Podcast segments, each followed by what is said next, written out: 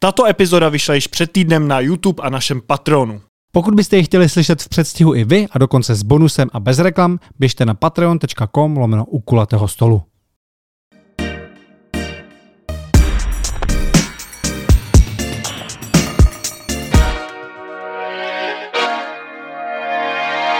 Dnešním hostem podcastu u kulatého stolu je Lukáš Trojan alias Lutro, český pornoherec roku a také člověk, o kterém vznikl dokument Porno.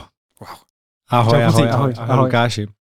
A tím, že jsi český pornoherec roku, tak eh, tím eh, bychom si měli dostat k tomu, jak jsi se k pornu vůbec dostal. Kdy mm. to bylo, jak to bylo a Myslíš, kdy jsem začal přemýšlet, anebo kdy jsem do toho no, vles jako do biznesu? Kdy, tak můžeš začít klidně i tím, jak jsi o tom začal přemýšlet, protože jak jsem se dozvěděl z jednoho předchozího rozhovoru, tak to byl jako tvůj celkem uh, dlouhodobý sen dostat tak, se tak, do erotického tak, průmyslu. No, jako vzniklo to tak, že já jsem, já jsem jako mladý kluk samozřejmě hledal, hledal v tátovo pracovně nějaký secret věci a prostě jsem s nějakou náhodou dostal takovým krásným klíčku, který byl od krásného šuplíku, který byl dole zamčený. Já říkám, tam musí být nějaký poklad. Tak jsem dlouho, dlouho jako váhal, pak jsem to otevřel a našel jsem tam datovou sbírku. Že? A tam byl krásný časopis německý, na křídovém papíře, fakt krásný. A pak tam byla kazeta. Videokazeta, myslím, že to byl Rokosy Freddy Eakula. A pamatuju si to doteď, protože jsem to viděl milionkrát. A tehdy mi bylo, já nevím kolik, 11-12 let. A mě ti to tak oslovilo, to, co jsem viděl v té televizi. Prostě pro malého kluka, který vlastně nevěděl, o co jde, protože žádná edukace tehdy nebyla, Pornhub neexistoval. Takže vlastně to bylo ještě celkem čistý, to mládí, o této erotické záležitosti. Ale já jsem to viděl jako takhle v mladém věku a mě to oslovilo. Nějakým způsobem prostě tam jsem následoval jakoby tu, tu erotickou branži, protože jsem sbíral časopisy, sbíral jsem hrací karty třeba pokroví s nahýma slečnama a tak. Hmm. A, už v tomhle tom věku? No jako později, třeba těch 13-14, hmm. ale, ale tehdy vlastně to byl takový impuls k tomu, že vlastně wow, to je hustý, to, to se mi líbí. Jakože fakt se mi to zadalo jakoby do, do, do osobnosti nějakým způsobem a potom vlastně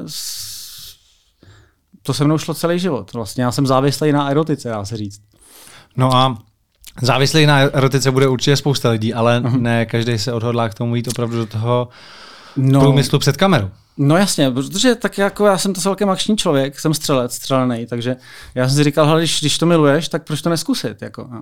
Já jsem nebyl zrovna studijní typ, ať základka nebo potom střední, uh, nedařilo se mi studovat dobře, takže jsem si říkal, to, to nebude asi cesta moje.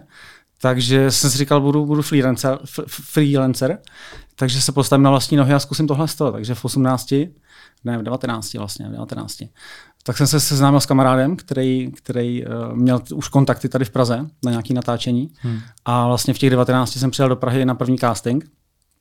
A, a to začalo. Začala moje kariéra. A jak to probíhalo, ten první casting? Ano, první casting pro mě byl zajímavý nebo zvláštní hodně v tom, že vlastně já jsem moc nevěděl, do čeho jdu. To znamená, že já jsem přišel do, do jedné produkce, já nevím, jestli ještě funguje, ale tehdy fungovala, eh, jako vstupní brána do, do pornobranže pro kluky protože před těma 20 lety byl zhruba takový trend, že když jsi jako mladý kluk, a ještě k tomu naivní, který neví, jak to chodí, to se ti takhle ten jen zeptá, hmm. jako, znáš tady někoho, jako hmm. víš, jak to chodí, a řekneš ne, vůbec. Jako. A on ti řekne, no a ty bys si chtěl jako dělat s holkama, že jo, asi, že jo, no, jo, jasně. No, ale tak jako musíš nejdřív začít Gčkem. Hmm. A já jsem si říkal, no, tak to je fajn, super, ale jakoby pro mě ten, ta, ta vidina toho, že se tam dostanu a že už jakoby jsem na půl cesty, no, že už ty dveře mám otevřený, už koukám jako do té místnosti sněhálka, ale mm, je tam nějaká zábrana, tak jsem říkal, dobrý, jak to překonáš? Tak jsem do toho šel, nějakým způsobem říkám, OK, jsem mladý pitomec, šel, střelený, ještě, ještě neuvažuješ jako třeba teď v těch 40 bych do toho nešel, ale v těch 20 jsi trošku víc jako uvolněný a hlavně uh, ale mě jako vidíš, vidíš tu, tu příležitost pokud toužíš, jo. Takže prostě jsem říkal, OK, tak jo, jdu do toho. A bylo to něco, a... jako s čím jsi musel jako hodně nějak jako bojovat a nutit se do toho, anebo jsi řekl, hele, jsem trošku jako tomu otevřený, vlastně zkusím nějaký i další věci. Takhle, to přišlo až později, tohle to, co říkáš, to trápení.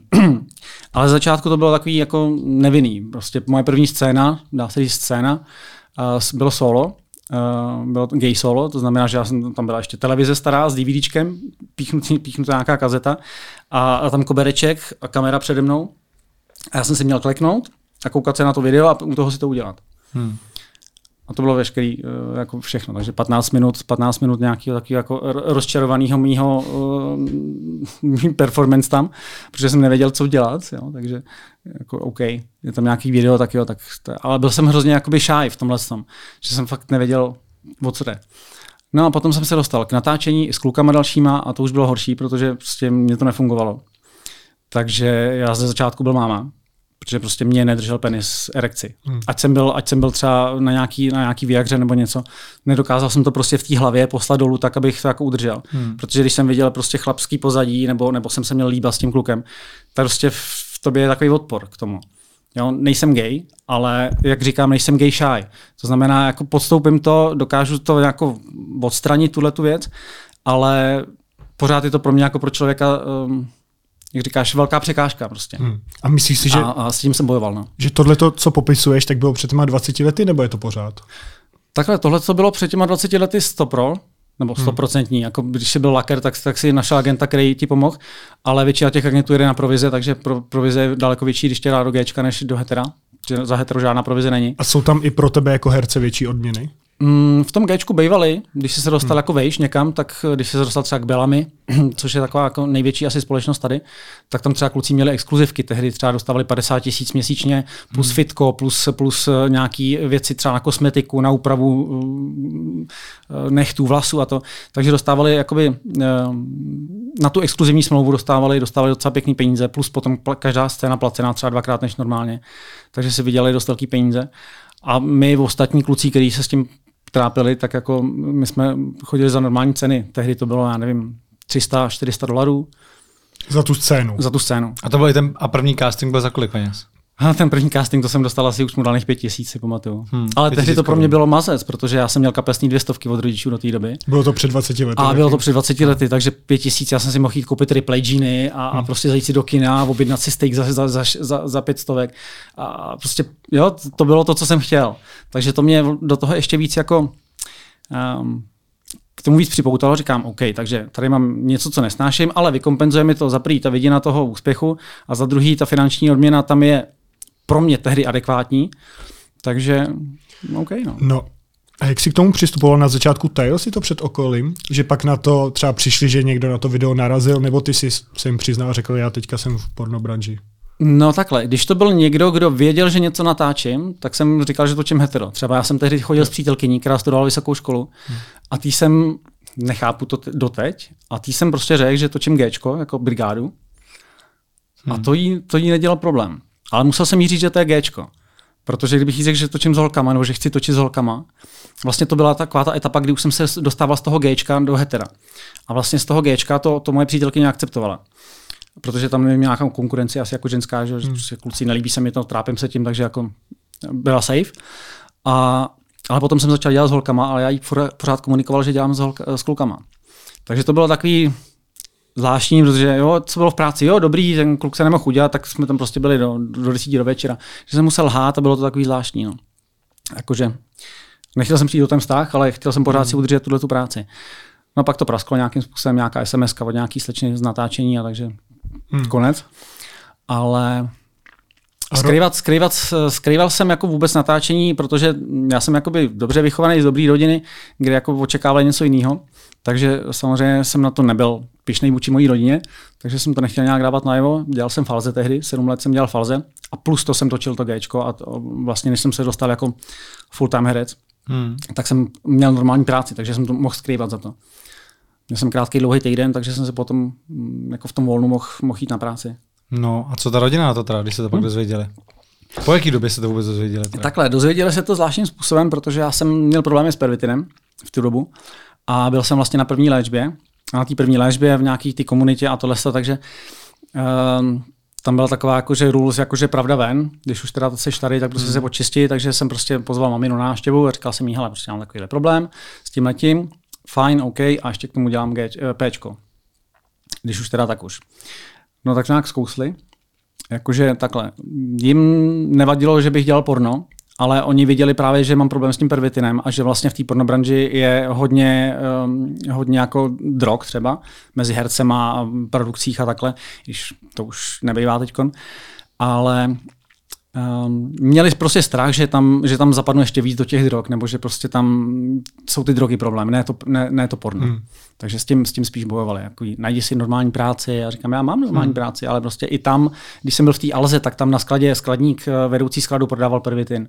Jo, uh, druhý kolega u mě na reklamacích prodával trávu. Takže říkám, jako v Praze se před drogama moc neskováš. Jo. To hmm. neprolezlý, ať to advokát, který šnupe kokain, nebo je to skladník, který je na perníku.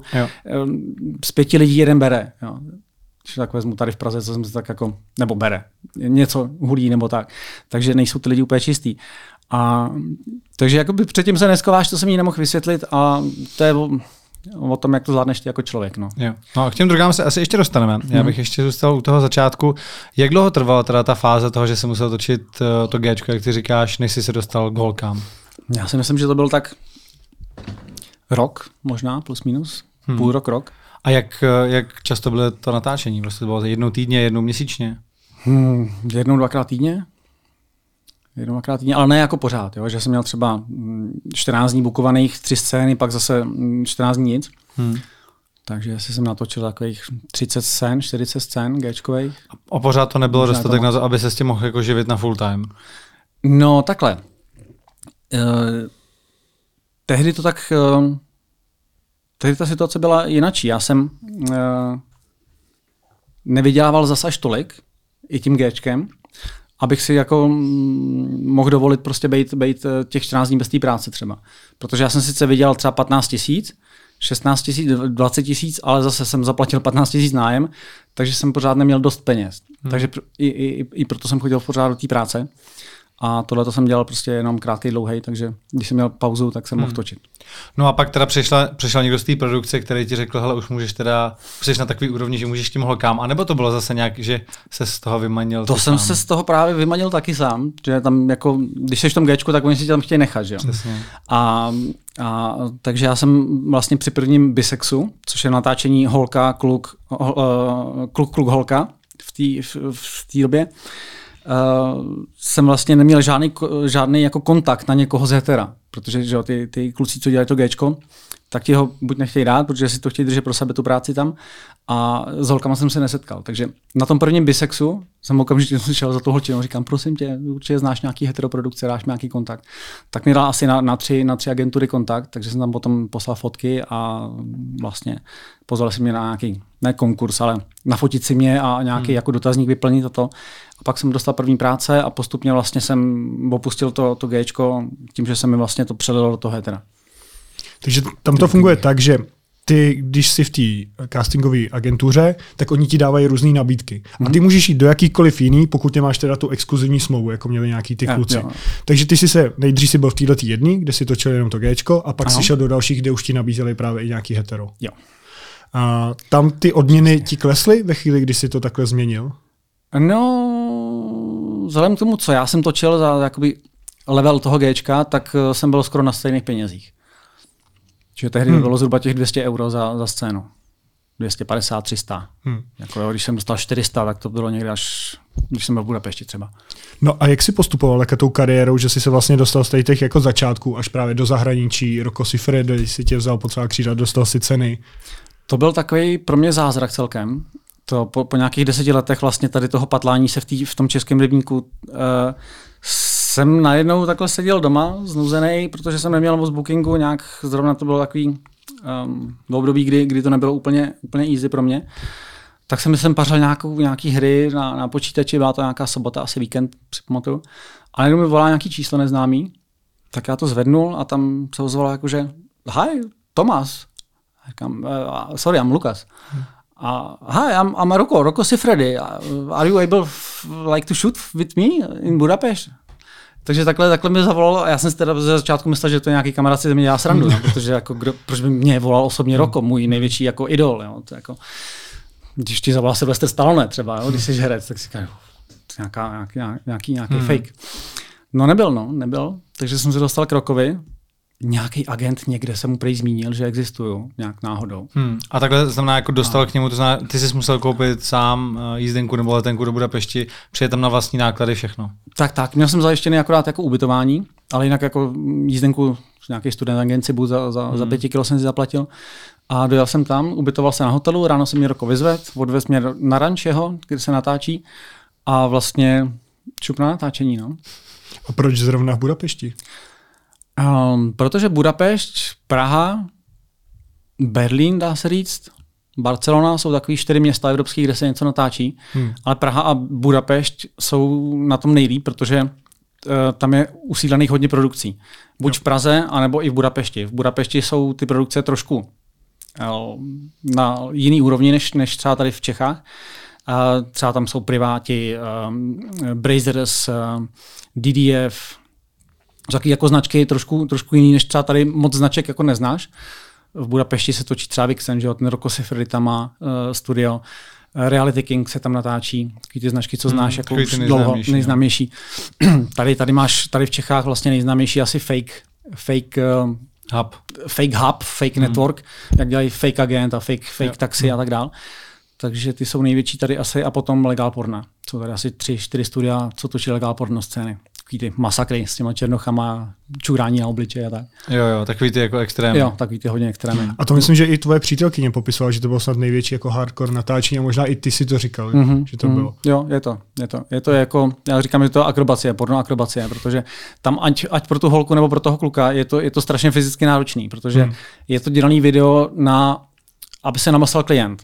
To znamená, že, že mm, je to hodně technický. Je to o tom vlastně, tam máš postavený určitý skript, podle kterého my jedem, takže tam máš prostě nějakou jednu polohu, dvě polohy, tři polohy, pak je čurání, pak máš zase tři polohy a do toho prostě děláš ty gapy, jo, tam ty holky otvírají ten zadek a tak. To tam prostě musí být v tom videu, protože ty klienti to chtějí vidět. Takže jakoby je to o těch, o těchto těch jako až klinických věcech, hmm. než jako o nějaký jako erotice nebo nějakým pro mě třeba sexu, protože pro mě sex je trošku něco jiného než tohle. Tohle je takový jako fakt artistický číslo spíš pro nás všechny. A, takže jo, to je nejtěžší. No, hmm. Roko, Roko Sifredi je asi celosvětově nejznámější pornoherec, ale u nás je to, bych řekl, Robert Rosenberg. Jo. Čím jo. on je tak známý? Je to tím, že byl tak jako dobrý pornoherec, nebo čím se no. stal tak známým? On se, on se proslavil právě tím, že po revoluci byl jako první, první pornoherec, který měl kouli na to začít dělat uh, publiky. To znamená, vzal prostě holčinu do parku, hmm. vzal kameru a on byl, jak já tomu říkám, bezbrzdák. A prostě mu to bylo jedno, kde je, kdo tam hmm. je, jestli tam jsou nějaký lidi nebo to, jemu to bylo jedno. A tak začal dělat tyhle ty publiky a tím se hrozně proslavil. Protože do té doby to bylo hrozný tabu. Jo. Někde na veřejnosti souložit a to ještě třeba tam chodí lidi, nebo tam projíždí hmm. auta, nebo to. Hmm. Do té doby se to dělalo ty publiky takový, že jsi skovaný někde pod mostem, když přijíždí tramvaj, tak se skováš, ale tady to bylo najednou open všechno. Hmm. Takže s tímhle tím bezbrzděctvím, vlastně tím, jak se dokázal urvat, tak tím si získal jakoby to obecenstvo, plus taky vlastně jeho, um, jeho brand byl velký dick. Protože prostě on měl, on se pěšnil tím, že má 20 nebo 20 plus, takže to bylo, to bylo takový jeho jakože uh, podpis, no. Prostě Robert Rosenberg, 20 cm král, bezbrzdák. Takže byl unikátní ve své době. No a čím si zaujal ty toho roka? Proč jsi zrovna vybral tebe z těch všech lidí, kteří jsou po světě? Uh, tady z Čech, z českých kluků vlastně já jsem začal jako první. Uh, jako první jako uh, full-time herec pro něj, protože jsem tam potom byl dva roky. Dva půl roku možná do covidu. A první dva roky jsem u něj natáčel jako docela pravidelně. Uh, ty jeho série, pak jsem byl i v nějaký tý Roko, Roko, Roko uh, Sifredy Academy. Uh, asi dvakrát jsem tam byl jako lektor. Hmm. Takže, a, to je, a to je co přesně? To je takový, taková jeho série, kdy vlastně on si pozve svoje fanoušky, nebo fanoušky, nebo i zájemce o to, který by chtěli prostě dělat porno.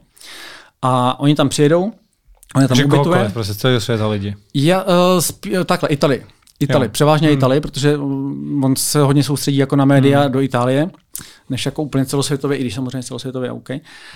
Ale Itali, Itali si tam pozval. I s ním jako může dobře komunikovat a tak, ale a jo, takže ty kluci tam přijeli, ubytovali se tam a vlastně 14 dní nebo 3 neděle se tam natáčely různé věci, jako gangbangy, eh, různé hry, eh, kdo vyhraje, tak prostě má teď scénu a tak. Takže to byl takový kemp, takový pornokemp jakoby pro ty kluky. A potom z tohohle toho vzešlo pár lidí, který, který zůstali v té branži, jako třeba Jean Piero, ten je z té první, kdo tam byl ještě, Jordi, Jordi um, Takže je to taková jako reality show. Z Brazers teď je vlastně Jordi Jordi Polo, Jordi ne, Nino, ne, ne. Hmm. takový Španěl. Takový klučík hmm. v Brizers hraje toho, toho klučíka, takového mm, hrozně mladého. S brdličkama. Jo, jo. No, možná, no, možná no, mi to něco říká. Podle no. vidění. Hmm. Tak ten tam byl třeba tak, no. Jo, takže tenhle Taková- ten vznikl z taková líheň, toho, taková z líheň toho herce. kempu. Mhm. No on, on, to teda, jak Martin tady říkal, reality show, jako, že on to jako točí vyloženě a pak to i produkuje jako Jo. videa. Jo. Jo. Okay. No, proč se stal známým Robert Rosenberg, jsme tady probrali, ale jak se stal takhle známým Rocco Siffredi? No, hm. on byl jako první Evropan, ještě k tomu Ital, v Americe. A s tím, že jako já chci být pan herec, a jeho story je taková, co, co vyprávěl, že vlastně ho tam každý posílal do háje, protože neuměl anglicky. Mě, když už tak měl šílený přízvuk. Uh, ještě k tomu to byl Ital, takže jakoby oni si mysleli, že to je někdo, kdo na to nemá, nebo, nebo nemůže to dělat, nebo to, že prostě to musí nějaký buď černoch, nebo nějaký namakanec jo, tehdy. A on, on říkal, že jednou šel do nějakého klubu právě v Americe, v, asi Los Angeles, nějaká tam meka porna asi, nevím přesně, ale že tam byl nějaký bar, kde tam byla nějaká akce, porno akce, že tam byl nějaký velký producent, teď nespomenu se na to jméno, a že to bylo velký zvíře, který jako když řekl, OK, berem tě, tak, tak prostě jsi měl jistou kariéru. A tak on tam šel do toho baru na svoje vlastní triko, jenom by, že věděl, že tam ten člověk bude. No má za ním přišel ke stolu a říkal, hele, já jsem Roko Sifredi, já chci být herec. Prý se Boris na něj podíval a říká, OK, tak ale si ho tady postavíš. Teď hned tady přede mnou, prostě ukaž, jestli na to máš. Jako stresové podmínky a tak dále, prostě, hmm. jo, to tak funguje. A Roku prej jako otevřel kalhoty, prostě on je docela hodně jako eh, vyrovnaný člověk a, a dos, ho, hodně stronkou osobnost, tak se nenechal rozhodit. A rozepnul kalhoty, postavil si ho a OK, takhle začal. To je jeho story. A on používá svoje pravý jméno, nebo to je umělecký? Um, to je umělecký. Pravý je Rokotano. Jo. A vy, když jste měli možnost se potkat, předpokládám, tak jak na tebe působil jako osobně? No tak jelikož já ho měl si idealizovanýho už od těch 15 hmm. nebo kolika, tak já jsem doteď s ním mluvím úplně jak prostě s pánem Bohem, jo? protože pro mě prostě má velkou váhu i jako, i jako mentor a vůbec jako člověk, který mě oslovil tím letím moc, takže prostě to je fakt pro mě ikona.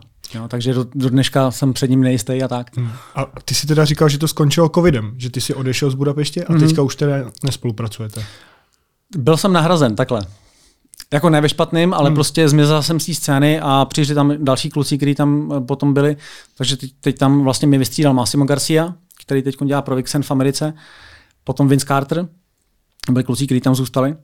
A já jsem bohužel musel odejít, protože prostě byly takové podmínky tehdy a tak jsem o to přišel no, na tohleto. A to se točilo jenom v Budapešti, nebo i právě třeba v těch státech, jak se teď zmiňoval, že tě tam nahradili nějaký ty lidi, kteří šli do Ameriky? Um, ty šel do Ameriky, ale já zůstal tady. To jo, ale jestli jako ta produkce, když jsi pracovala pro roka, jestli to bylo tak, že se i natáčelo třeba něco i ve státech a takhle, že tě jako vysílal do Ne, ne, zahraničí, to ne. nebo to bylo všechno jenom tam v těch jeho Jenom, studiích? přesně, jenom na Ne. tom studiu. A bylo to i tak, že když jsi se povýšil na tuhle tu úroveň k němu, že to bylo i mnohem líp placený, než když, jsi, když by si zůstal tady, tady v Čechách? Jo, jo, jo.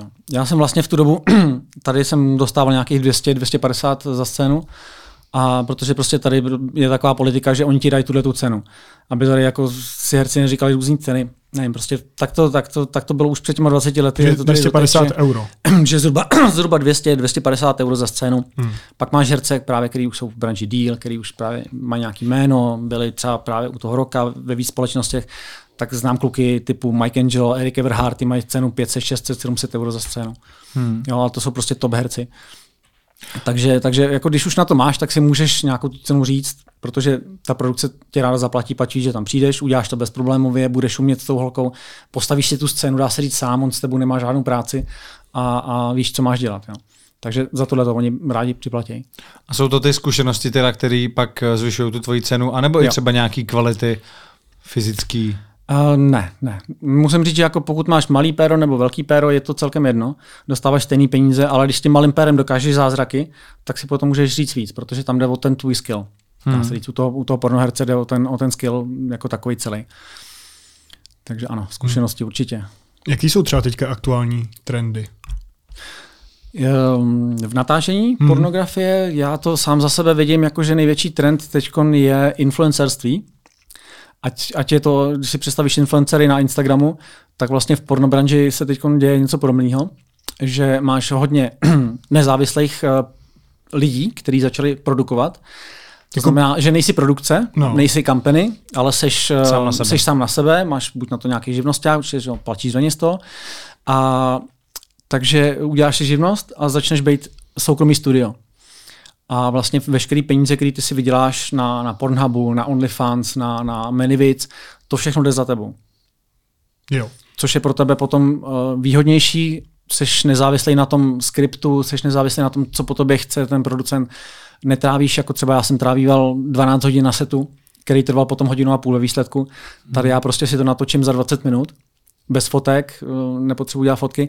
Takže pro mě jakoby uh, i, už zkušený herce, který má nějaký jako dosah v té své branži, pro mě je teď příjemnější třeba dělat svůj content, a protože je to za prvý víc easy, líp placený, když to vezmu na, na strávený čas a vlastně i následný income, protože to můžu, můžu prodat jakkoliv. Hmm. Ať, ať třeba na ty stránky, nebo, nebo spolupracuju s nějakým člověkem, kterýmu prodávám kompilace svých videí. A, takže jo. Hmm. No, jak funguje, Z, z, herce, z herce businessmanem.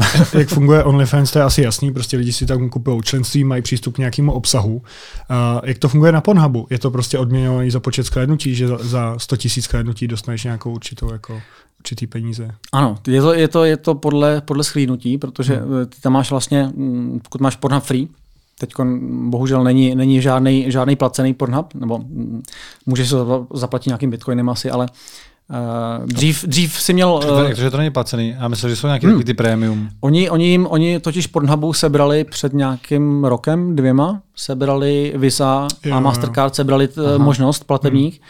Takže, protože tam byl nějaký problém s, s obsahem, že tam bylo hmm. spousta videí, které byly pofiderního původu, nebo, nebo vůbec ty lidi třeba jim nebylo závadný, 18, jo. nebo, nebo prostě nějak závadný. Takže tam byla nějaká velká stížnost a, a prostě někdo se postaral o to, aby, aby byli potrestaný takovým způsobem jako příklad.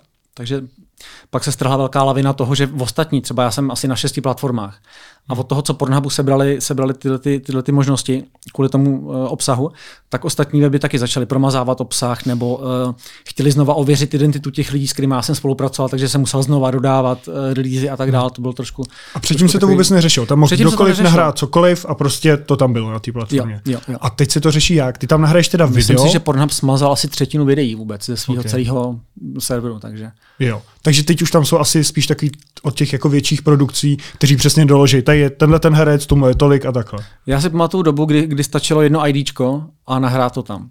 Dneska hmm. musíš nahrát video, uh, musíš tam přeložit dvě IDčka, k tomu ještě smlouvu, ideálně v PDFku, že na to mají teď hmm. takový verifikátory automatický, takže, takže... Takže ty prostě tam máš třeba scénu s nějakou holkou, hmm. máš tam svoji občanku, hmm. její občanku, ano. smlouvu mezi váma, ano. a co ještě tam musíš všechno? Vlastně jako standardní produkce, to samý. Hmm. Jo, ověření identity těch účastníků, aby bylo jasný, že ty lidi, kteří spolu spolupracovali, si navzájem sdílejí ty práva, to je jedna věc. Druhá věc je, že jsme 18+, plus, a třetí věc je, že to je tímhle tím způsobem jako legalizovaný a ověřený, takže oni to můžou nabídnout hmm. světu bezproblémově. Hmm, takže tohle to asi dává pryč takový ty amatérské věci. A ne, ani ne. Amatérské věci tam zůstávají, ale um, už musí být ověřený. To znamená, nemůže tam nějaký šamša z Brazílie natočit na Nokia film a jen to tam tak prdnout. Hmm, to nejde. Jo, to nemůžeš. Ačkoliv mi přijde, že takovýhle videa tam stále jsou. Že? Bejvali tam. Že, jako, že, tam, že tam furt jako najdeš video, prostě, který vypadá, když ten někdo točil na kalkulačku a vlastně vy, vy, vypadá to, že ten druhý člověk o tom ani neví. A... Možná je to schválně. Jo, to, je, to, je, to je schválně kolikrát. No. Jako ten, ten obsah, to, co tam vidíš, tak je většinou sci-fi nebo domluvený nebo nahraný. Hmm. Má, málo kdy je tam jako nějaký ani nemůže být, jo? že bys natočil přítelkyně, která o tom neví, protože ona ti musí no, podepsat ten release teďkon. Jo? Hmm. Ale dřív to byl problém, že třeba některý lidi si přišli znásilněný potom, jo, holčiny některý. Já jsem se objevila na Pornhubu, tak šla a žalovala společnost, jo. že ji znásilnili, přitom je tam dodaný kontrakt. Ale ty amatéři to neměli předtím, hmm. ty kontrakty a, a vůbec jako ověřování identity a tohle ne, nefungovalo mezi těma hercema. Jo? Prostě si natočil s holkou content, dal si video a, a, a čau. Jo, ona si ho prodala na OnlyFans, já jsem si to prdnul na Pornhub a, a pohoda. Dneska s ním musím udělat klasický office, jako když děláme produkci. Což je zase fajn. Jo, Hmm. je, je, je, No, jasně, je ta branže, dá, dá se říct, chráněná tím letím, uh, což je super. Hmm. A když pak jsou tam takový ty ověřený, ty amatérský účty, takhle, tak to je přesně to, že dodali tyhle ty všechny věci IDčka a. Hmm. tohle, že to prostě není, že to je opravdu někdo. Ano. No, ty třeba, jak si popisoval, jak začínal Robert Rosenberg, tak to byly věci, které se tvářily jako reální. Typu šel po ulici, někoho potkal náhodou, dal jí peníze, ona s ním pak tam šla do křoví. Předpokládám ale, že to bylo domluvený, že všechno. Jasně. Musí mít testy ta holka, že jo, jinak by s ní Přesně. nemohl mít sex, takže... Ale, ale pak byla kauza check casting, kde Ano.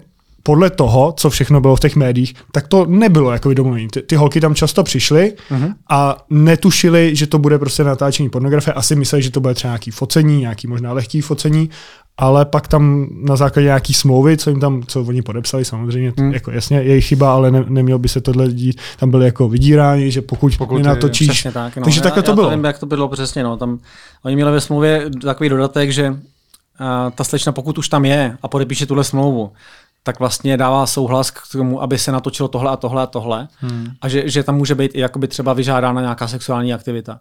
Hmm. A oni to tam bylo tak hezky jako udělaný, že Že to ty- nebylo ty první smlouvy, dobrou, jako, ty smlouvy většinou jsou dělané i trochu psychologicky, že tam máš třeba šest stránek, hodně popsaný a čtyřky Mhm. a tohle to je někdy na té páté straně v půlce. A oni ti řeknou, hele, máš tady pokutu, kdyby jako něco tohle stále, ale on si to někdy nepřečte nebo to. A, No a takže to, to, pak podepsali a oni se na tohle odvolávali a ty holky prostě se Když oni, zlomit. když oni teda jako nechtěli teda mít ten sex na kameru, tak oni řekli, tady je ale pokuta. Hele, tady tak buď necháš tady desítku a můžeš jít. A, psychologický tlak, no. jasně. a ta holka většinou, když už šla na ten casting, tak byly většinou nějaký maminy nebo holky, co nemají moc peněz, proto tam šli. jo. Jo, holky, holky zvenka většinou prostě jdou po penězích. Jo. Ty ne- nechtějí mít kariéru pornoherečky. Si chtějí vidět, protože mají doma malý dítě, manžel je opustil třeba, hmm. a tak, tak to zkusit tady. A pak se cítí samozřejmě podvedený. Ale i jelikož se za to styděj, tak to nezveřejněj, nebo řeknou to kámošce možná, ale to je tak všechno. Hmm. A vlastně tím, že se to začalo řešit, tak to bylo jenom díky nějakému šikovnému právníkovi, který vlastně si řekl, hele, tady těch kaus už jako jsem pár viděl, hmm. možná je vás víc. To znamená, jedna holka tam moc ne- neměla jako výpovědní uh, sílu, jo, že, by, že by to dokázala nějak uhrát, hmm. že tam právě ta smlouva a to psycho, vydírání a tohle.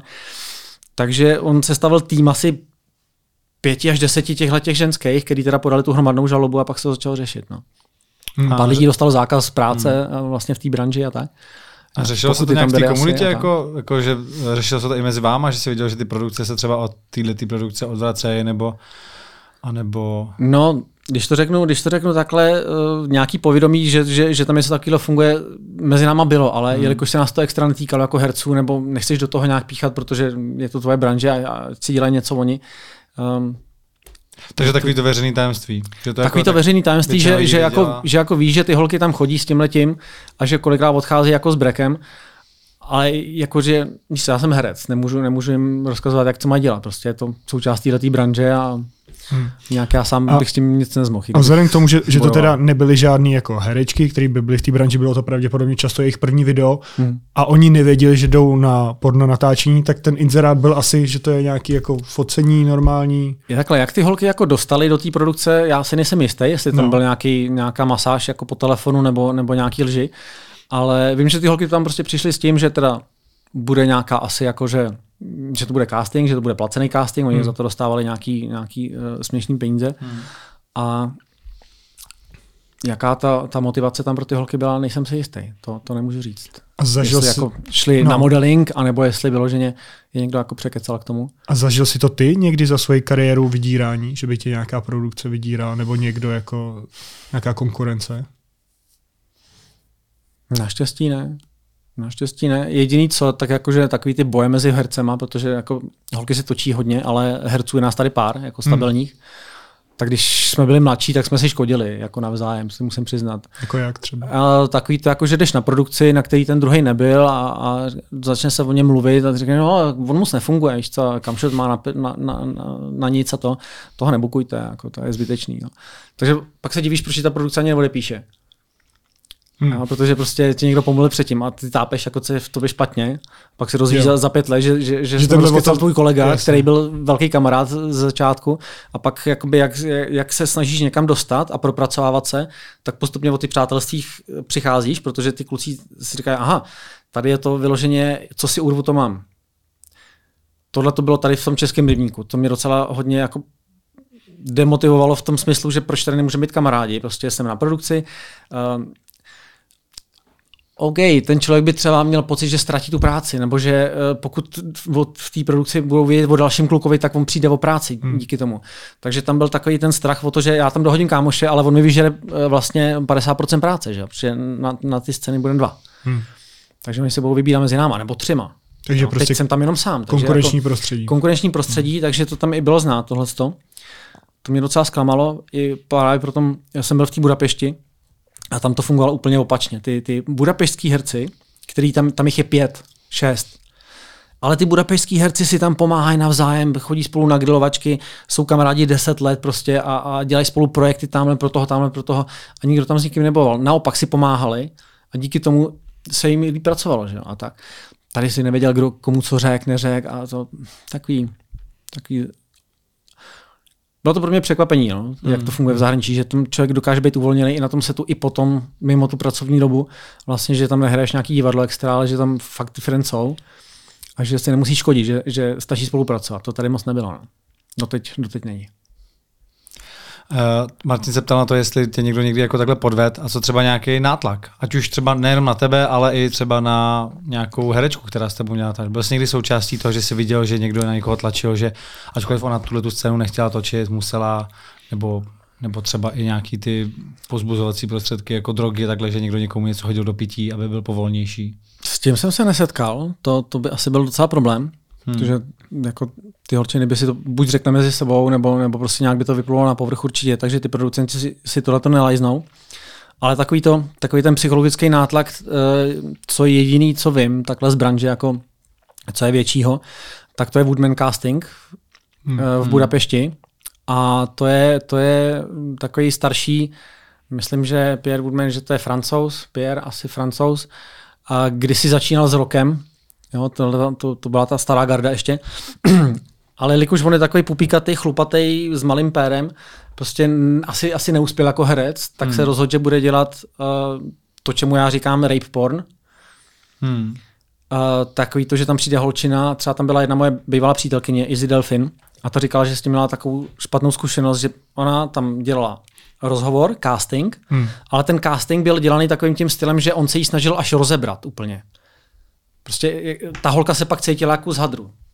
Jo, že prostě tě tak těma otázkama jako dostane a se ptá na soukromí věci nebo něco a úplně prostě z tebe udělá nic. Ona říkala, že se cítila jak hovno, když šla z toho castingu, jo, z toho rozhovoru. Pak přišla do místnosti, kde měl být jenom Woodman, jenom on, a že tam přišli tři chlapy a strašně jí zmrdali. Hmm. Ale jakože nevěděla, kde co, měla půl scény zavázaný oči, takže ani nevěděla, kdo tam je, kde, kde, co se s ní bude dít, teď polohy, že jo. Teď já jsem to video viděl potom, nějak počas jsem si někde našel. Teď tam s ní různě házeli, že jo, teď jsem i rozbrečela, myslím, v půlce nebo co, že to museli stopnout a to, že to museli, vystřih, museli vystřihnout pryč, že jo. A to, že říkal, že jako dost, dost, dost jako trpěla psychicky u toho. Že to no. teda zkousla, když už tam byla, tak ona říkala, říkám, proč to nestopla, nebo to. A říkala, no v tu chvíli si to jako neuvědomuješ, jo? to jsi úplně hmm. tak mimo, že teda jako jedeš, necháš, hmm. přemýšlíš ale, co se to s tebou děje a potom teprve, až ti to dojde, až, až to skončí. Ale dostaneš prachy, podepíšeš smlouvu, takže to nejsi tam jako... zadarmo, takže hmm. vlastně tím se upíšeš k tomu, že jako to bylo OK. Takže tohleto, tohleto asi bych jako vypích no, z té branže. Ta, no. ta, ten, věc... ten Woodman je takový pro mě těžko stravitelný. No. Ty podepíšeš tu smlouvu a tam ale předpokládám, není přesně daný to, co se bude dít na tom jako setu. Tam je prostě jenom jako, že dáváš svolení mm-hmm. a mhm. takhle. Ano, ano. Ale vlastně, že bude natočený materiál bude a ten materiál bude použitý, prodaný a tamhle a že se použije tamhle a že vlastně ty práva... Takže to, dáváš. co se tam bude dít, to je nějaký jenom slovo, co si řeknete jako ano, předtím. To je, takový, to je takový to předtím, že pokecáte, hele, takže tadyhle budeme, tohle začátek bude takovýhle, potom tohle. Takže domluva nějaká tam předem je, že ta holka by měla vědět o tom. No, tady to bylo trošku jinak. No a jaká je ta praxe takhle, když vlastně ten člověk ti tam říká, co se bude točit, ty už si podepsal smlouvu a řekne, hele, do tohle já nejdu. Tu smlouvu podepisuješ až na konci. Až potom se ti no, řekne tyhle věci. Jo, jo, jo, tak to jo. Já no. myslel, že už máš jako podepsáno a on ti pak říká jako skript. Ne, ne, ne. To zase takhle není, jako že by to, že by to bylo úplně až takhle šílený. To vyloženě takhle, říkám, nesetkal jsem se s nějakým, s nějakým extra případem, kdy, kdy bychom byli nějak lámaný tak, že bychom museli až jako prostě přes sebe. Prostě něco už je moc, tak ta holka to stopne, řekne třeba, nevím, když děláme ten legál porno, tak kolikrát tam přijdu nějakému úrazu, jakoby natržení třeba z toho zadku nebo tak. A tak prostě řekne stop, nedávám to, bolí mě to, tak prostě to natočíme jindy. No. Jak je to se zdravotními testy? Jak často ty musíš chodit hmm. na testy pohlavních nemocí? Bývalo to, bývalo to, eh, takže jsme chodili jednou měsíčně a pak tady byla před pár lety nějaká, nějaká aféra, že tady eh, koloval, myslím, syfilis mezi hercem, nebo kapavka, teď už se nepamatuju, ale bylo to docela hodně. Takže, eh, jelikož máš inkubační doby na ty, hmm. na ty nemoci a tohle, takže těch 30 dní bylo moc, tak se to, tak se to zkouslo, zkrátilo na 14 dní. To znamená, že my teď chodíme každý 14 dní na testy. To znamená, ono to, ono to nechrání, aby si nic nedostal, ale chrání to ten zbytek té komunity, Jasně, že když to... už něco někdo přivede, hmm. nevím teda, jak je to možné, nebo já třeba osobně mám soukromý život takový, že já mám přítelkyni a to je všechno, ale jsou herci, kteří nemají třeba přítelkyni, jdou po natáčení, eh, koupí si nějaký, nějaký liney a jdou do, do nightclubu prostě. A teď jako s kondomem tam asi zrovna ne, ne, jako nesouložej, si myslím. Hmm. Takže občas něco někdo přivede, přiveze z diskotéky jo. a tak. Takže to je jediný způsob, jak něco zavlít do té branže, protože každý profi herec je opravdu každý 14 dní na testech. Takže ty, když jdeš na set, tak musíš ukázat prostě testy, které jsou minimálně platný. nebo maximálně. Platný, tak. Jasně, 14 dní starý. No. A to si všechno platíte vy sami jako ano, herci. Ano. No a jak se postupuje v tom případě, když tam takhle, když ti přijde jako pozitivní výsledek, že máš nějakou nemoc, tak to nahlásíš té produkci nebo?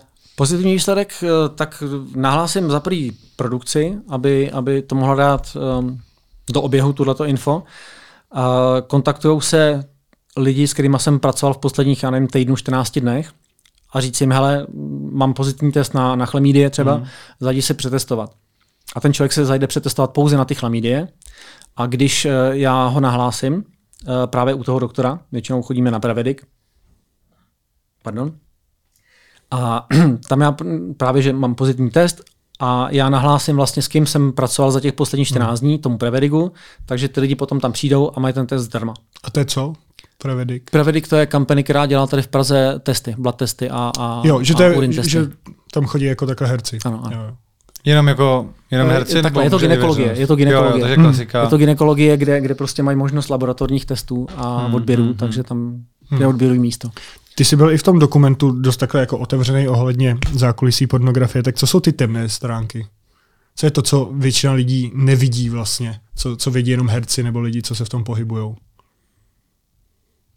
Hm. Temná stránka je asi, asi bych řekl, největší problém mezi hercema, co já vidím, tak je nuda.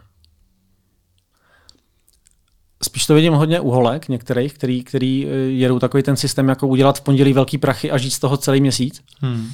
Tak ty potom jako většinou z mýho okolí, co znám, tak není extra moc lidí, kteří by měli normální, kvalitní soukromý život jakože mají hobby, koníčky, stýkají se s kamarádama.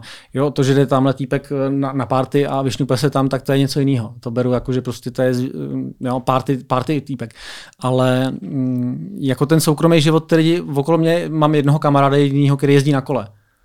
Jo, ostatní lidi z branče, co znám, tak mají psa, dítě a, a, a trápíš se v pornu a potom, potom zbytek, zbytek uh, nějak přežijou. Hmm. Takže, takže asi největší, největší, největší asi jako co špatná, špatná věc na tom je, že máš moc času, spoustu peněz kolikrát ty holky a moc, moc volného času, kdy neví, jak s ním naložit, takže potom buď právě se nudějí a buď právě chlastají, nebo, nebo fetujou, nebo mm, Hodně lidí to takhle jako má. No. Hmm, že prostě, prostě si vydělá, že si vydělá peníze no. a pak si, nakoupí, pak si nakoupí pár gramů týden doma a, a příští týden to samý. Jo. A byl to třeba i ten tvůj případ? Jsme Taky to byl pár let, pár let, jo. No. Jak ty se s tím drogám dostal? No, u mě to byla asi taková jako půzní puberta, protože já jsem neměl moc jako dovolenou pubertu, protože jsem byl hodně, hodně striktně vychovávaný, jako že si nesmím otevírat pusu a, a prostě nemohl jsem být jako, že 14-letý hubatý kluk. To ne, to bych dostal a, a, a naschle. Takže já jsem si to prožil až po, po, po tom vlastně, když jsem, když jsem dostudoval. Takže uh, party, že jo, to bylo s kamarádama, jsme jezdili na techno, takže jsem začal s extázema, nějaký podpůrné látky. Pak jsem vlastně, protože jsem z jihu Čech a extáze byly drahý, ty se dovážely z Prahy, tehdy stála dvě stovky jedna tableta. A já jsem si tady koupil od týpka za 50 korun čáru perníku hmm. na party. A to bylo vlastně, mi bylo kolik, 20 možná. Takže to neřešíš, jo, prostě chceš se nějak zmatlat a, a je to levný a, a, a funguje to tak to bylo super. No, já jsem tehdy nevěděl, co to je pervitin, že jo, to. No, žádný dokumenty o tom jsem předtím nevěděl, nebo tak. Samozřejmě, že jsem věděl, že to je turčí droga, ale tehdy chceš být moc prostě na té party v těch 20. No. Já to tak chtěl tehdy. A, takže takhle jsem k tomu přišel. A pak se mi to dostalo do soukromí, postupně, postupně, postupně mi to vlezlo až do soukromí. Nejdřív jsem to měl na těch party. Já jsem na party, těšil jsem se na to, že si užijem, prostě přijel jsem domů a zase jsem byl hodný kluk. No a potom postupně jako takhle rok, dva, tři, tak jsem se třeba i přinesl domů už potom, takže jsem dojel, dofrčil ještě v noci, další den. A jenom jsem zjistil, že mě tak jako bere celkem, oslovuje nějakým způsobem, pitomým. A něco mi to buď dodává nějaké věci asi. Jako. Já jsem mu říkal, že to je moje bublina, že to je můj svět prostě. Že se sjedu, zamknu se v pokoji a mám svůj svět. Takový unik, asi exit od nějakých mých problémů nebo duchů a tak. A co jsi dělal, když jsi, se dal jako lineu perníku? Zavřel jsi se doma a byl tam sám. Já bych jako očekával, že takovouhle drogu si člověk vezme právě, když je jako s kamarádama na párty mm-hmm. někde, ale když jsi sám doma zavřený, tak co tam děláš? To já jako ti to vysvětlím, jak jsem k tomu... jako celý večer ne, televizí? Ne, ne, nebo? Já ti řeknu, jak jsem k tomu přišel. Já jsem takhle jednou přišel po té párty domů, kdy jsem prostě v sobě měl trošku víc toho perníku, ještě ráno. Ale samozřejmě nechtělo se mi spát. Tak říkám, co budu dělat? Tak byl jsem zvyklý většinou, když přijdu z párty na té kouli, tak jsi nadržený a to. Takže si pustím nějaký porno, takže si to udělám. A já jsem pustil to porno, jak jsem byl najetý na tom perníku. Tak to je zvláštní, ono to funguje spolu dohromady s tím, s tím sexem a to. A teď já jsem začal masturbovat a teď to bylo tak příjemný. To bylo prostě, jak to jsem nezažil, nikdy žádný takový sex, ani orgasmus, nic. To bylo tak příjemný, tak, tak úplně, uh, ještě teď mě to bere. A, že, mě to, že mě to vlastně zamklo v tom bytě, že já jsem vlastně začal spojovat tu drogu s masturbací a s, s koukáním na porno. Hmm. Až, to do, až to dopadlo tak, že já jsem byl schopný být dva dny doma, prostě od pátku do neděle. Jenom jsem ležel v posteli, buď tehdy ještě s televizí, kde jsem si pustil nějaký dívko, pak už byly telefony, že jo, eh, s Pornhubem, takže držíš telefon dva dny, honíš, dokládáš se a vlastně takhle zabíjíš mozkové buňky a svůj osobnost trošku. No, takže. To je zajímavý. Hmm. A když jsi si uvědomil, že máš problém? No, problém jsem si uvědomil, když mě našli naši doma, v mém pokojíku po víkendu, kdy jsem vlastně nebyl schopný otevřít dveře, nebo byl schopný. Psycho jsem měl nějaký psychostav, kdy prostě jsem byl zamčený v pokoji a nechtěl jsem otevřít. Protože naši klepali jako luky, luky. Já říkám, ne, ne, nechte mě být. No, po několika hodinách přišla přítelkyně s brekem teda jakože za dveřma, tak já jsem teda v tom psychu, jako v tom dojezdu otevřel ty dveře a lehl jsem si zpátky na postel a jenom jsem prostě byl odevzdaný. Protože jsem věděl, že jsem v hajzlu. To bylo opravdu, jsem už byl moc. Takže to, to jsem tam byl takový vysušený králík, spocený na, na, na, posteli a tak teda jako se tam přišel podívat táta, máma, ten se rozbrečel táta, že jo. Máma úplně zděšená, že jo, co, co jako její syn tam jako tvoří takovýhleho. Takže se začala, začala jako o to zajímat víc. A říkala, hele, nebylo by třeba jako fajn zajít nějak poradit, nechat. A já jsem chtěl být jako hodný kluk, že jo. Já jsem na tomhle tom ulítával, ale vlastně, že mám problém, jsem si ani neuvědomil. Až teda to dopadlo té doby, kdy jsem se tak, tak jako zničil tím, až, až jsem byl opravdu na tom hůř. A to bylo asi jako nakopávač k tomu, že teda asi bych to měl řešit. A ty jsi se teda sám přihlásil na nějaký to léčení? Takhle, Máti řekla, hele, měl bys tam jít, ale nemůžu tě k tomu nutit, je to na tobě. No. A jelikož jakoby, já jsem měl trošku jinou představu o svém životě, než jako být takováhle smažka, a tak jsem říkal, jo, to asi, asi jako by to bylo fajn, prostě si s, s někým popovídat. Takže jsem šel nejdřív na jako pokec s, s terapeutem, který mi teda řekl, že by byla fajn nějaká, nějaká léčba ambulantní. Ne, um, ne ambulantní. Kdy se prostě tam necháš ubytovat. Ústavní. Ústavní, tak. Hmm. Že se tam necháš ubytovat na tři měsíce minimálně, tam je ten program a tím si projdeš pak je pustí ven a je to zase na tobě. A to bylo kde? V Praze tady? Ne, ne, v Červený dvůr. Hmm. Takže ty, ty jsi tím prošel, byl jsi tam tři měsíce, hmm. vyšel jsi a co se dělo potom? Hmm. Mě poprvé vyhodili, po druhý mě taky vyhodili. Jsi to porušil, jo? Tam. Tam máš totiž ten systém udělaný tak, že to je trošku vojna a máš tam jako hodně hmm. striktní rules. A jelikož právě feťáci, gameři a alkoholici a takhle, tak vlastně eh, nás poje to, že máme rozházený systém životní. Takže oni se tě tam snaží znova napravit tak, jak to má být. Takže stáváš 6, snídaně, úklid, rozcvička, prostě t- vojna. Aby jsi dostal řád, režim. Aby si uvědomil, že prostě něco je potřeba dělat, když to nemáš rád nebo ta. Že spousta kluků tam bylo třeba 15, od 15 na ulici. A teď hmm. se tam dostal, takže ten klub prostě nemá základy normálního fungování. Hmm. Takže pro tyhle ty lidi vůbec je to tam postavený a i, jako, i pro lidi, kteří jsou na tom líp, stejně je to postavený stejně. Takže když si umíš vyčistit zuby a, a udělat si jídlo, stejně to tam drillujou znova a znova. A tam byla taková, takový pravidlo, že když tě pustí na, na vycházku domů, což můžeš až asi po dvou měsících, tak uh, já jsem přijel domů a jelikož jsem doma nemohl spát, protože jsem byl doma zase zpátky v tom svém pokojíku, kde jsem to dělal, že jo, takže do mě zase vlezly tyhle ty všichni duchové a začalo to se mnou sloumat, tak já říkám, co budu dělat, nemůžu spát, ale chci se vyspat, tak jsem si šel dolů pro, teď nevím, co to byl Stilnox, nějaký prášek na spaní, co táta používal. A vzal jsem si ho, vyspal jsem se v pohodě, přijel jsem v pondělí zpátky jako na, na, na komunitu a oni ti dělají odběry, když přijedeš, jestli hmm. si něco ne, ne, nefetoval nebo tak, alkohol, drogy a tak a i léky.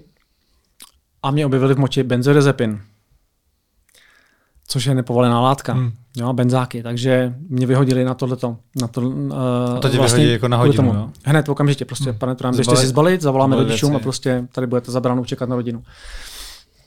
A, a ne, ne, neuhádáš to, neubojuješ to, nemůžeš jim vysvětlit prostě, ale já jsem si vzal prostě prášek na spaní, protože jsem měl psycho z toho, jak jsem prostě doma se vrátil do toho samého a to.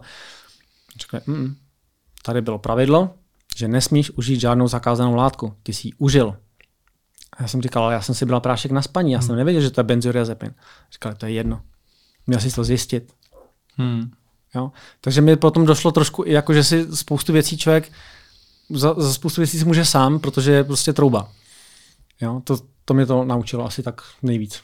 No, zkušenost. To bylo poprvé, teda, co tě vyhodili? To bylo poprvé. Pak se nastoupil znovu. Znovu, po, asi po, po, po, po dvou, třech letech jsem měl zase takzvaný relaps, Znamená, že jsem se do toho vrátil zpátky, jsem si někde na party něco dal. A... Ale ty dva, tři roky si nebral. Dva, tři roky jsem byl čistý hmm. od prvníku. Takže ti to pomohlo? Jsem občas, hmm. pomohlo, snažil jsem se nějak si spravit život, ale a občas jsem ještě na něčem ujel, ale jenom malinko a pak zase po těch dvou letech uh, byl, byla šňůra prostě, kdy jsem zase několik víkendů po sobě jel a to říkám a dost, takže znova, znovu a lépe.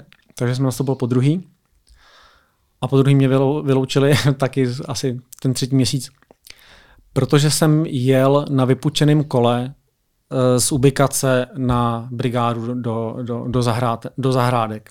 Vnitřním areálem, parkem toho, toho té léčebny.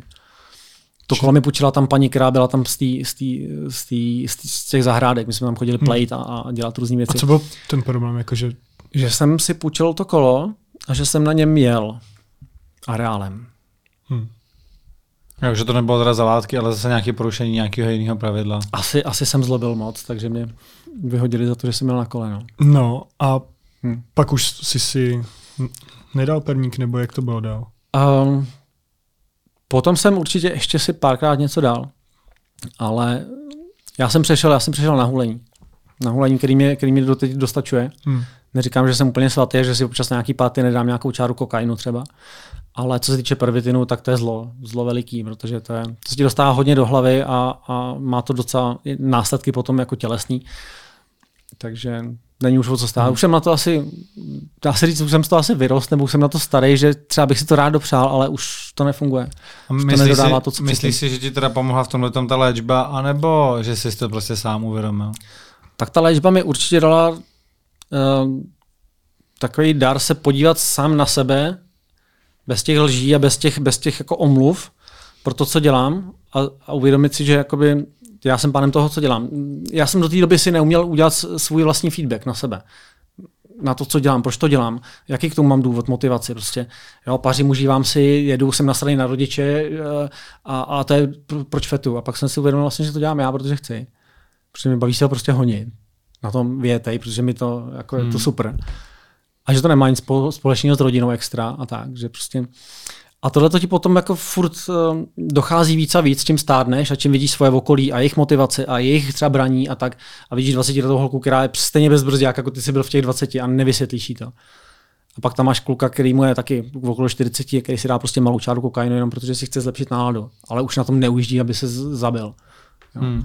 To je no a... taková evoluce jako toho narkomana v to, že už seš uvědomělej a že už i kdybys rád, tak prostě je to zbytečný. No a když teď vlastně říkáš to, to že si občas dáš jako takhle čáru kokainu, anebo že uh, už vlastně na ten perník se starý, ale, ale občas by si ho, jako, si ho chtěl dát, tak co je vlastně ta věc, která, ačkoliv si jako uvědomělej, tak vlastně, že pořád máš nějakou tu chuť a říkáš si, a klidně bych si ho rád dal. Prostě ten, Hmm, ten to, je, to je kouzlo narkomanie. Prostě jak, Jakože jak, myslíš, že to je jednou- závislost? To je závislost, je to obyčejná závislost, která je klasifikovaná i jako lékařský termín. To prostě narkomanie a ta je doživotní. Takže ty, ty nikdy nebudeš uh, Takhle, z Přesně tak. Každý terapeut ti řekne, žádný feťák, ani alkoholik, ani gambler se nevyléčí, protože to je psychická porucha, Hmm. kterou, nebo psychická nemoc, kterou ty jako získáš tím braním. To, že tě to tak osloví, nám tam nějaký vědátor kreslil takový krásný graf tvýho vývoje serotoninu a dopaminu v mozku a že tam máš nějakou určitou úroveň, kterou prostě máš od přirozena a tyhle ty drogy, jelikož jim to dodáváš uměle, tak oni to přestávají distribuovat a dělá se tam takzvaná propast a ta propast se prohlubuje až do té doby, kdy se z, z, z, ustalí v té propasti, ten tvůj normální level. Takže ty máš do konce života potřebu si to do, furt doplňovat. To je ten princip té narkomanie, proč tě to jako člověka pudí na tu látku mít chuť. Ty na ní máš chuť tady, protože ten mozek ti říká, něco ti tam chybí, může být šťastnější, můžeš si dát, můžeš si zase užít. Hmm. A ty víš, že to máš, úplně z toho mám musí kůži, když to říkám, protože to cítím. Hmm. A ten boj vnitřní, ta, ta uh, abstinence je velký boj vnitřní, občas jo. A musí s tím člověk umět pracovat. No. To znamená, nechodím pařit, nechodím do klubu, snažím se nestýkat s lidmi, který mají v kapse pytlík, protože jakmile dá někdo čáru na stůl, tak já se jdu pokadit, jo? protože se mi spustí mechanismy a tak dále a musím prostě odejít. Kolikrát jenom se mi udělá zle s tím, že třeba přijde do místnosti někdo, kdo vím, že aktivně bere, nebo nejhůř ještě, že je třeba vyjetej. No, to mi dělá velký problémy. To je zajímavé takhle slyšet, Hmm. jak to jako působí. No. Takže ty vlastně na to pořád máš chuť, chtěl by si, ale máš silnější vůli a říkáš si, neměl bych. Motivaci i vůli, dá se říct, ano. Musím to takhle ovládat, tlumit v sobě. A myslíš si, že kdyby si si dal zase ten eh, pervitin, tak by si do toho spadnul, nebo teď už ne? Kdyby si si jednou dal, nebyl by to ten spouštěč. Takhle, asi, asi bych na tom nebyl jako dřív, protože já, co jsem si uvědomil, já jsem dřív neměl co ztratit. Já jsem byl vlastně v Praze, měl jsem nějaký levný byt, na který jsem vždycky vydělal na ten nájem, ať jsem byl v sebe víc větej, tak prostě jeden týden jsem byl použitelný, tak jsem vydělal prostě 20 tisíc, takže jsem si zaplatil byt v pohodě vždycky, ale neměl jsem žádný uh, extra soukromý život, že jsem neměl koníček, teď mám kolo třeba drahý, na kterém jezdím downhill, jezdím do zahraničí s ním, takže prostě snažím se držet i v kondici, abych na tom kole mohl jezdit. Uh, mám teď nějaký svůj projekt, uh, nějaký svůj content studio, který si chci udržet. mám drahý byt v nájmu, kde mám kolegu, který mi dělá office, takže mám takový jakože mikrobiznis svůj, který si piplám, takže o to nechci přijít. A když předtím byla ta doba, kdy si vydělával jako hodně, hodně peněz, zainvestoval si něco, zůstalo ti něco z toho, nebo si všechno projel? Všechno jsem projel. Hmm. Všechno jsem projel, ať to, byly, ať to bylo drogy. cestování. Ani tak ty drogy ne. Ono, když si vezmeš pervitin, tě stojí pětistovku na celý hmm. víkend. Jo? Hmm. Horší je kokain. Prostě jdeš na party a necháš tam šesku. Hmm. Tak to lze lidem hodně. Jo? Taky znám lidi, kteří jedou jenom kokain a ty nemají jedinou korunu, i když vydělávají prostě tisíc euro eh, týdně.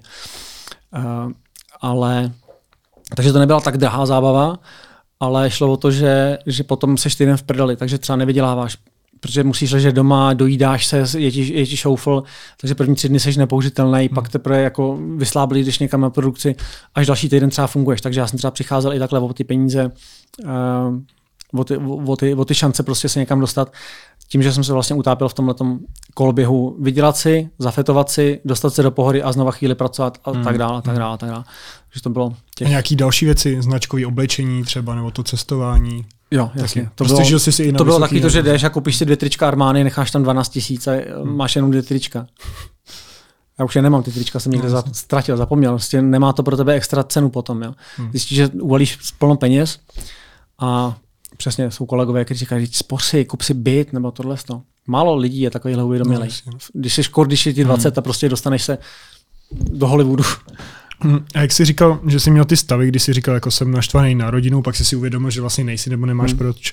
Jaký máte teďka vztah, kdy proběhly ty léčby a vlastně oni vědí, co děláš za, za práci? Vědí, jako... vědí a máme vztah dobrý, musím říct se, se všema, ať je to ségra nebo táta, máma. Protože oni mě nikdy jako neodsoudili, což bylo skvělý. Ať, ať za ten fet nebo, nebo za, hmm. za, za, za, to porno, nikdy mě neodsoudili, jakože se žájí zmiz prostě. Hmm. Vždycky to bylo, hele, najdeme nějaké řešení, pomůžeme si nějak, nějak to zvládneš prostě na tohle. Takže já jsem tam díky bohu vždycky měl podporu. díky tomu jsem si pak i uvědomil po letech, že vlastně jsem na ně byl naštvaný zbytečně kvůli pár věcem, že to tak nebylo, že se mi naopak snažili pomoct a to. A, takže máme teď už normální vztah. Sice trošku utrpěl těma 15 lety mýho, mýho jako mm, i třeba odporu vůči té rodině, protože když fetuješ, tak nechceš, aby si byl pod dozorem mámy, takže nevoláš hmm. domů, nebereš telefony kolikrát, mm, nechceš se extra bavit, nejezdíš domů, protože když máš volný víkend, tak se ho radši zafetuješ, že než aby si jel domů na jich, prostě pozdravit maminku. No, Nafotkoval bych si. Takže to není vůbec, že by si něco vyčítal vlastně rodině, že si do toho spadnul. Bereš ne, to jenom, že já to je, jsem do toho to spadnul tvoje. o svý vlastní vůli, dá se říct, teď už si to uvědomuji, že to byl jako jenom můj, můj, můj, můj, můj vzdor tehdy a spadl jsem do toho, takže už to potom bylo jenom jako snowball. Hmm.